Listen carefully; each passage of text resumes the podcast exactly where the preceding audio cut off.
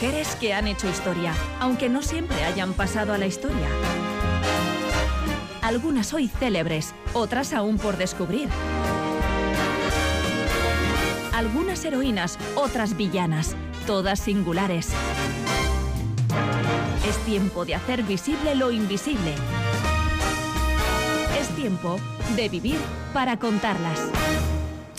Estamos a punto de celebrar el cumpleaños de la gran Dolly Parton, cantante, compositora, actriz, productora, escritora, filántropa y empresaria estadounidense considerada de forma muy merecida la reina del country y además, claro está, de un absoluto icono pop.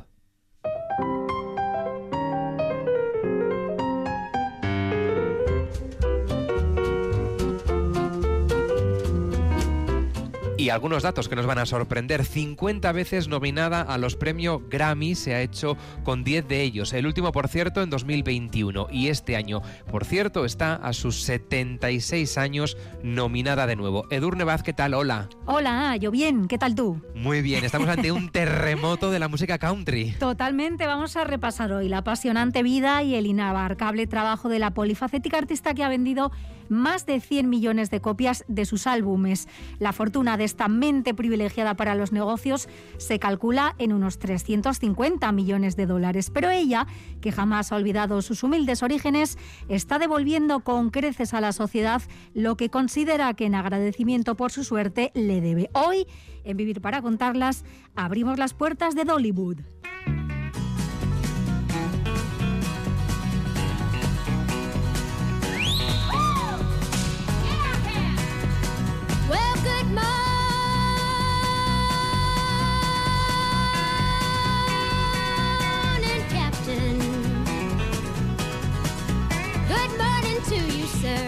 Pues me apetece mucho trazar la vida de Dolly Rebecca Parton, que nació en Silverville, una pequeña localidad del estado de Tennessee, en Estados Unidos, el 19 de enero de 1946. Por tanto, como decíamos, está a punto de soplar las 76 velas. Y su vida es muy distinta ahora a lo que fue cuando llegó al mundo en aquel rincón de las montañas de Tennessee. ¿Por qué, Edurne? Bueno, Dolly Parton es la cuarta de los 12 hijos que tuvieron su padre, un aparcero, agricultor de tabaco y trabajador de la construcción, y su madre una ama de casa verdaderamente heroica. Esta gran familia vivía en una rústica cabaña con una sola habitación, en una situación que la propia Dolly ha definido como extremadamente pobre. Carecían de agua corriente o electricidad, en verano se bañaban en el río y en invierno lo hacían en una pila. Fue asistiendo a misa y escuchando cantar a su madre como Dolly experimentó un precoz interés por la música. Escribió sus primeras canciones a los seis años, consiguió su primera guitarra a los ocho y debutó ante los micrófonos a los diez, cantando en iglesias, fiestas y programas de radio y televisión de su Tennessee natal. De adolescente empezó ya a construir la singular e hiperproducida estética que acabaría caracterizándola. Entonces tiraba de lo que tenía más a mano, mercromina, del botiquín familiar para colorear sus labios, cerillas usadas a modo de eyeliner, madre selva como perfume y apañados cardados para dar volumen a su pelo. La misma mañana, claro, ella siempre desde el principio se ha apañado muy bien y lo sigue haciendo, ¿no? Y esa misma mañana, ya posterior a su graduación en la escuela secundaria en 1964, dejó su pequeña ciudad y puso rumbo a Nashville, meca de la música country.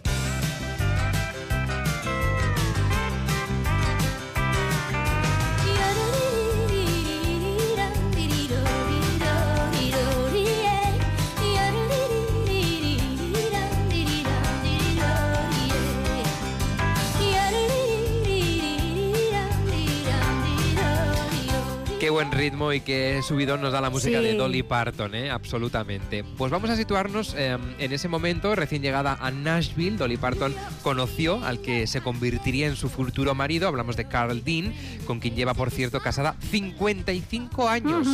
Por eso en lo personal, ¿eh? en lo profesional, a pesar de su juventud, no era como ya vamos intuyendo, Edurne, una mujer que se dejara mm, amedrentar ¿no? por las circunstancias. No, ya que apañaba el botiquín, lo apañaba todo lo demás y cuando su primer contrato expiró, la resuelta Dolly Parton optó por cofundar junto a su tío Bill Owens su propia discográfica. Durante aquella época también compuso canciones de aire country y folk para otros artistas del género como Hank Williams Jr. Y a finales de 1965 firmó un contrato con el sello discográfico Monument Records. Inicialmente quisieron presentarla como una cantante pop, pero tras el escaso éxito de su primer sencillo decidieron que volviera a sus orígenes, a la música country. Y en ese familiar terreno en el que ella se sentía como pez en el agua, vio la luz su segundo sencillo, Dan Blonde, o sea, rubia tonta. Y con este daba muestras ya de su gran sentido del humor. Cantaba, no me ofenden todas las bromas sobre rubias tontas porque sé que no soy tonta y también sé que no soy rubia. Y es que a lo largo de su carrera, particularmente en sus inicios, Dolly Parton ha sido objeto de un sinfín de bromas y chistes groseros por lo singular de su aspecto, por esos desproporcionados pechos, su diminuta cintura, sus vistosas pelucas, sus excesivas elecciones estéticas y su estrategia no ha sido otra que la de sumarse a las chanzas. Muy y al inteligente. respecto, por supuesto, ella es una mujer inteligentísima y ha dicho, sé que la gente se ríe de mí, pero la que se ríe soy yo. Sé lo que estoy haciendo, por eso me meto conmigo misma más que nadie. No voy a caer tan bajo como para ser chic. Es lo más fácil del mundo. Pensé que lo mejor sería llamar la atención y en efecto, que nadie se equivoque. Como ella misma ha dicho en más de una ocasión, hay un corazón debajo de estas tetas y un cerebro debajo de la peluca, de cualquiera de las 365 pelucas que según se cuenta atesora una para cada día del año.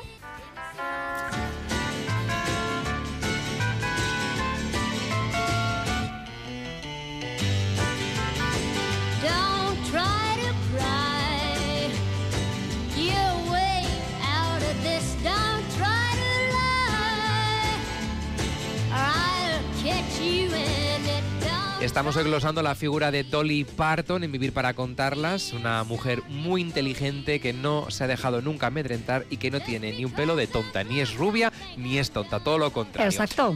Vamos a fijarnos en su discografía porque el primer álbum de estudio de Dolly Parton, Hello I'm Dolly, no tuvo el éxito comercial esperado, ¿no? Y su contrato fue rescindido. ¿Qué hizo entonces ella?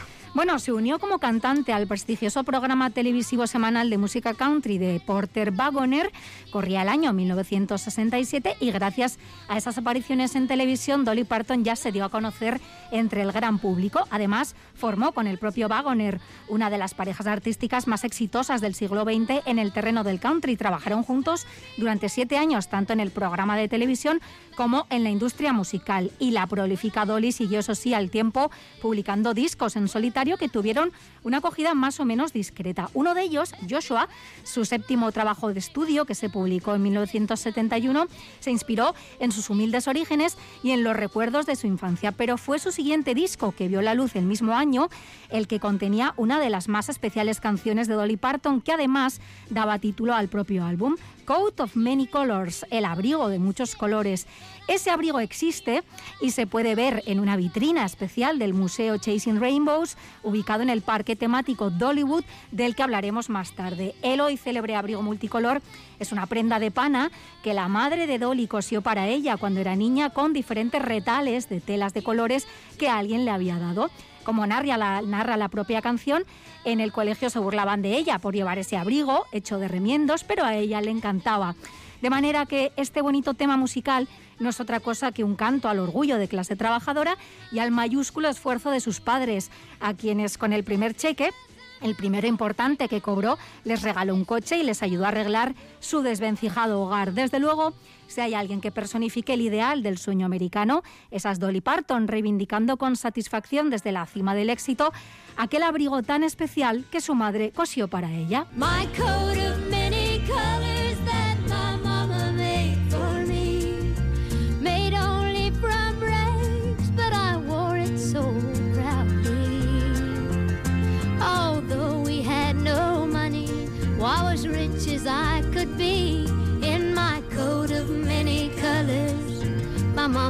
Si hablamos de los más exitosos temas de Dolly Parton, hay dos que no podemos dejar de mencionar. Vamos con el primero, que es Jolene, que por cierto fue nombrado por la revista Rolling Stone como una de las mejores canciones de todos los tiempos. Pues la escribió en 1973 con 27 años y de nuevo, como la del abrigo, tiene también un carácter autobiográfico. Data del momento en el que su marido Carl Thomas Dean empezó a visitar con demasiada frecuencia una empleada de banco pelirroja una belleza más allá de toda comparación, según afirma la letra de la canción, que tenía reflejos de llamas en su cabello castaño, piel de marfil y ojos verde esmeralda. Según contó la propia cantante en una entrevista, Jolene estaba enamorada de su marido. Ella, dijo, se había encaprichado de forma terrible con él y a él le encantaba ir al banco porque ella le prestaba mucha atención.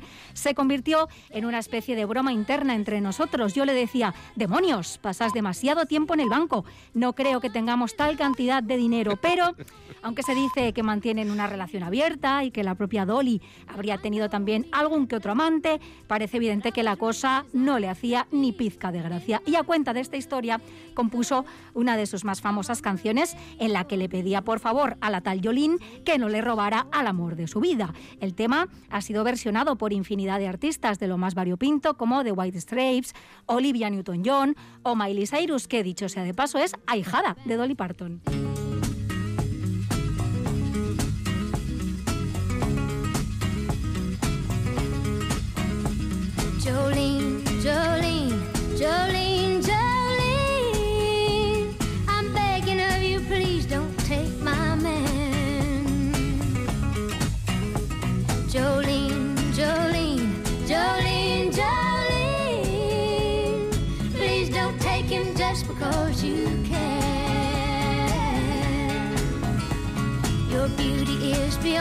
Pues ahí está la historia de, de Yolín, como le dice, no te lleves a mi hombre, ¿no? Por Solo cierto- porque puedes hacerlo. Eso es. Por cierto que también este tema, Yolín da título a uno de los ocho capítulos de la serie eh, de Netflix, Dolly Parton, Acordes del Corazón. ¿Qué se cuenta, por cierto, en esta serie? Pues cada uno de los episodios en los que por supuesto aparece también la cantante lleva el nombre de uno de sus temas musicales y cuenta una historia alrededor de los mismos.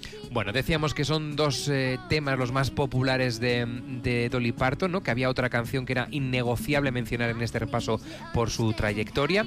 Se trata de otro temazo de culto, ¿no? I Will Always Love You.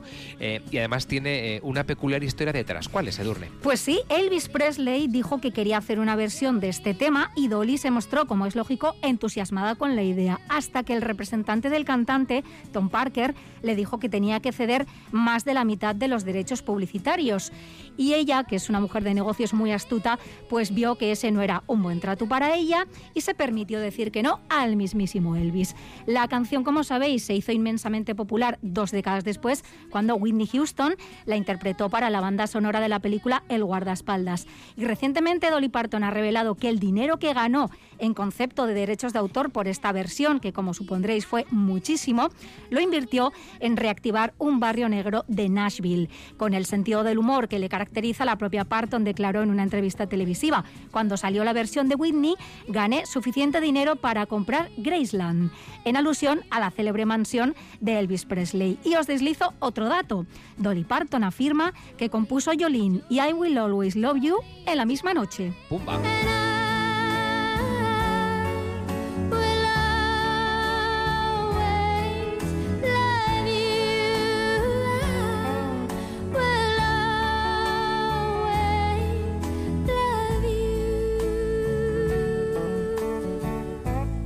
La reactivación de aquel barrio de la comunidad negra de Nashville, con el dinero eh, recaudado en concepto de derechos de autor, eh, no ha sido ni mucho menos la única acción solidaria de Dolly Parton. ¿Qué más ha hecho? Bueno, en 1986 se convirtió en copropietaria del parque temático entonces conocido como Silver Dollar City, Tennessee, y con el ánimo de promover el empleo en su localidad natal, lo remodeló por completo y fundó Dollywood, que además de su propio parque temático de atracciones, en la actualidad incluye también varios restaurantes y cines, un parque acuático, un hotel, un spa y creciendo. El complejo emplea a más de 3.000 personas y es la atracción turística más visitada de Tennessee. Se estima que recibe unos 3 millones de visitantes al año. En este parque, la propia Dolly Parton ofrece conciertos y eventos con los que recauda fondos para la Fundación Dollywood. En diciembre de 2006, por ejemplo, donó 500.000 dólares a un hospital de su pueblo natal para honrar al médico que atendió a su madre durante el parto. A través de su fundación, ha donado y dona cada año millones de de libros para niños sin recursos en el marco de su iniciativa Biblioteca de la Imaginación, un programa de alfabetización que puso en marcha en 1990. También ha creado un centro que brinda diferentes servicios a mujeres y una clínica de maternidad. Por citar otros ejemplos, ha recaudado fondos para las familias devastadas por los incendios forestales que arrasaron las montañas de Tennessee en 2016 o para proteger al águila calva de la extinción. Ella misma explicó en Billboard, como dicen las escrituras, a quien mucho les es dado, mucho se les demandará y esa es su filosofía de vida.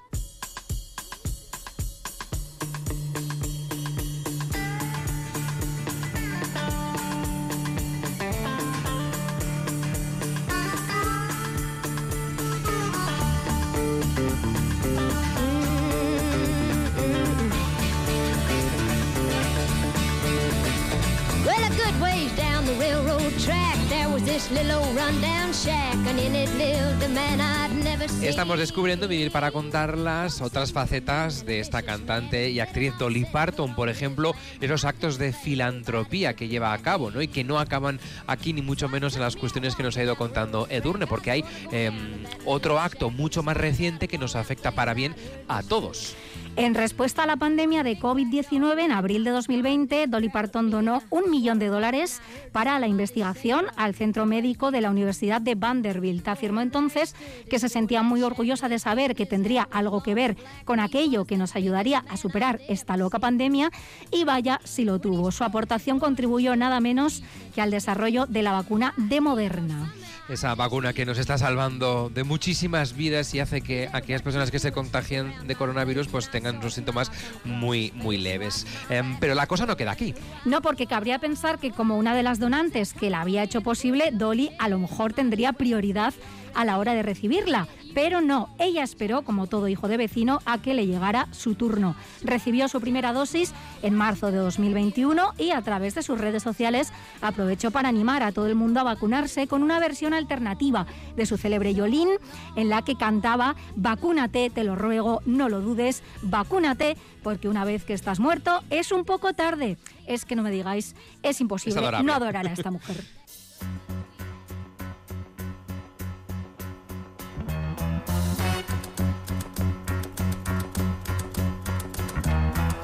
Tumble out of bed and I stumble to the kitchen. Pour myself a cup of ambition and yawn and stretch and try to come to life. Jump in the shower and the blood starts pumping. Out on the streets, the traffic starts jumping. With folks like me on the job from nine to five. Working nine to five. What a way to make a living. Y todo esto Durne no lo ha conseguido solo trabajando de 9 a 5 como la canción, ¿eh? sino No. invirtiendo muchísimas, muchísimas horas. Bueno, como vemos, Dolly Parton no se ha limitado a la música y, por supuesto, en su constante diversificación ha hecho sus pinitos en el cine, también en la televisión. Algunos de ellos, por cierto, eh, muy aplaudidos. Bueno, para empezar se convirtió en la primera mujer de la música country en tener su propio programa de televisión en el que combinaba la comedia y las actuaciones musicales con la presencia de distintas celebridades invitadas. En lo que respecta al cine, cabe citar la película de 1980, 9 to 5, Cómo eliminar a su jefe en español, en la que interpretaba a Doralee Rhodes, una de las tres secretarias que planean el secuestro de su explotador sexista y abusivo jefe. Le acompañaban en esta aventura Jane Fonda y Lily Tomlin. Fue nominada al Globo de Oro como Mejor Actriz de Comedia y Nueva Estrella del Año y también al Globo de Oro y al Oscar en la categoría de Mejor Canción Original por este 9 to 5 que escuchamos de fondo. Protagonizó asimismo en 1982 y junto a Bar Reynolds la película musical La casa más divertida de Texas, papel por el que de nuevo fue nominada a un Globo de Oro. Dos años después rodó junto a Sylvester Stallone la comedia romántica Rhinestone y por supuesto no podemos dejar de mencionar Magnolias de Acero. Oh, no, no, por no, por supuesto, supuesto. una comedia dramática de 1989 en la que comparte protagonismo con Sally Field, Shirley MacLaine, Daryl Hannah, Olympia Dukakis y Julia Roberts. Ha Vaya formado cartel. parte, sí, sí, película muy agradable de ver. Me apetece volver a verla. Y ha formado parte de innumerables bandas sonoras, por supuesto, y ha participado en un gran número de producciones televisivas como Hannah Montana, interpretando a la tía de Miley Cyrus, de la que, como decíamos, es en la vida real madrina, además de impulsar algunas otras como productora. Es el caso, por ejemplo, de la ya mítica serie Buffy Cazavampiros, que produjo ella, la película El padre de la novia, con Steve Martin y Diane Keaton, o la reciente Navidad en la Plaza que tenéis disponible en Netflix.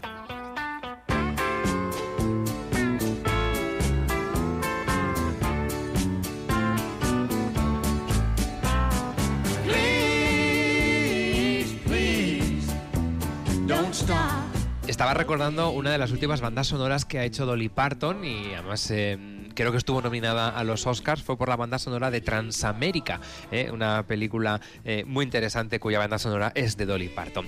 Bueno, Ella resumir, no para. Ella no para, ya no para. Y de hecho, de resumir la larga y agitada trayectoria de esta mujer en el tiempo del que disponemos, pues es materialmente imposible. ¿eh? No nos vamos a conformar con añadir que, aunque su mareante número de discos han tenido un éxito dispar, ella nunca se ha chantado, ya lo decíamos al principio, ¿eh? nunca se ha amedrentado. No, no, no, y se calcula de hecho que ha vendido más de 100 millones de copias de sus álbumes, lo que la convierte en una de las artistas que más ha vendido a lo largo de la historia. Y cuando no le funciona algo, que algunos discos no le han funcionado, ella sigue probando, sigue experimentando, sigue trabajando, sigue diversificando y sigue haciéndonos reír con sus ocurrencias, como cuando reconoce sin complejos sus numerosas y evidentes operaciones de cirugía estética orientadas a conservar aquella figura que la llevó a posar vestida de conejita de Playboy en 1978. Una foto que, por cierto, volvió a hacerse con 75 años como regalo de cumpleaños para su marido. Una de sus muchas frases para enmarcar es cuesta mucho dinero parecer tan barata. Y es que ella sigue defendiendo con orgullo, y así lo hizo en 2003 en la revista Rolling Stone, que su singular estética procede de la idea de una chica de campo sobre lo que era el glamour. Seguía el patrón de una fulana de mi pueblo. A mí me parecía la mujer más bonita del mundo, con ese cabello de colorado y lápiz de labios color rojo brillante. Además, como explicó a The New York Times, se quita el maquillaje por las mañanas, antes, por supuesto, de volvérselo a poner, porque una nunca sabe qué podría ocurrir durante la noche. Igual toca salir corriendo sin estar on point y eso no puede ser. Dolly Parton se ha ganado el cariño también de las nuevas generaciones. Los millennials han descubierto a Dolly, siguen en masa sus andanzas a través de sus redes sociales. Fue retratada por Andy Warhol, Gucci sacó una colección con su cara, tiene un personaje propio en Barrio Sésamo, ha salido en Los Simpson, pero si es que hasta le pusieron el nombre de la oveja Dolly a ella, a esta oveja, en su honor. ¿Por qué? Porque la célula que se empleó para su clonación procedía de las glándulas mamarias. Y si algo tiene Dolly, además de talento e inteligencia, son pechotes. Y todo es genial en esta mujer que afirma, soy sencillamente la chica de al lado, siempre que lo que tengas al lado sea un parque de atracciones. Pues sí, muy interesante haber repasado hoy la, la vida de Dolly Parton. Muchos conocemos su faceta como actriz, como cantante y compositora, pero desconocíamos otras tantas, ¿no? Esa labor filantrópica, em, bueno, pues que no olvidando sus humildes orígenes ha desarrollado toda su vida, ¿no? Hasta el punto, por ejemplo, sin ir más lejos, a que ha contribuido eh, económicamente al desarrollo de esa vacuna para la COVID moderna, ¿no? Esa vacuna que ahora mismo también se está dispensando aquí.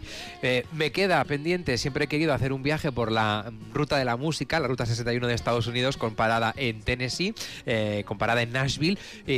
la haré, pero entre otras cosas, para visitar Dolly. Hombre, por esa favor, maravilla. sus montañas rusas y a ver si pillas justo un espectáculo en vivo de Dolly y tienes ya el kit completo. El combo completo. Claro. Edurne ha sido un auténtico placer. Gracias. De nada, agur.